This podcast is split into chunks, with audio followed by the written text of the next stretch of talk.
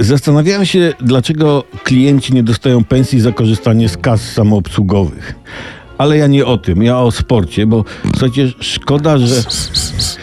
Szkoda, że wczoraj Wyspy Owcze nie wygrały z nami, bo dla tego państwa byłoby to takie święto jak dla nas bitwa pod Grunwaldem. Co roku owczy wyspiarze organizowaliby u siebie albo wynajmowali narodowe, aby urządzić rekonstrukcję meczu, prawda? Piłek u nas dostatek, ale i te przyjmiemy i tak dalej, i tak dalej. No szkoda.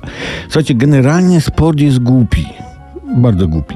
Forbes opublikował listę najlepiej zarabiających tenisistów w ostatnich 12 miesiącach, bez podziału na, na płeci. Na przykład Iga Świątek jest na trzecim miejscu z dochodem 22,5 miliona dolarów, czyli 90 milionów złotych.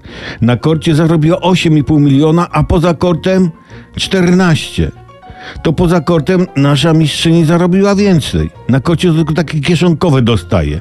No to jak tenisiści tyle zarabiają poza kortem, to ja na ich miejscu bym nie grał.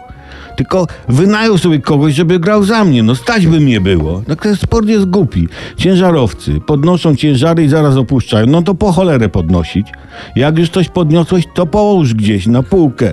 Zanieś komuś to odważniki, kto potrzebuje.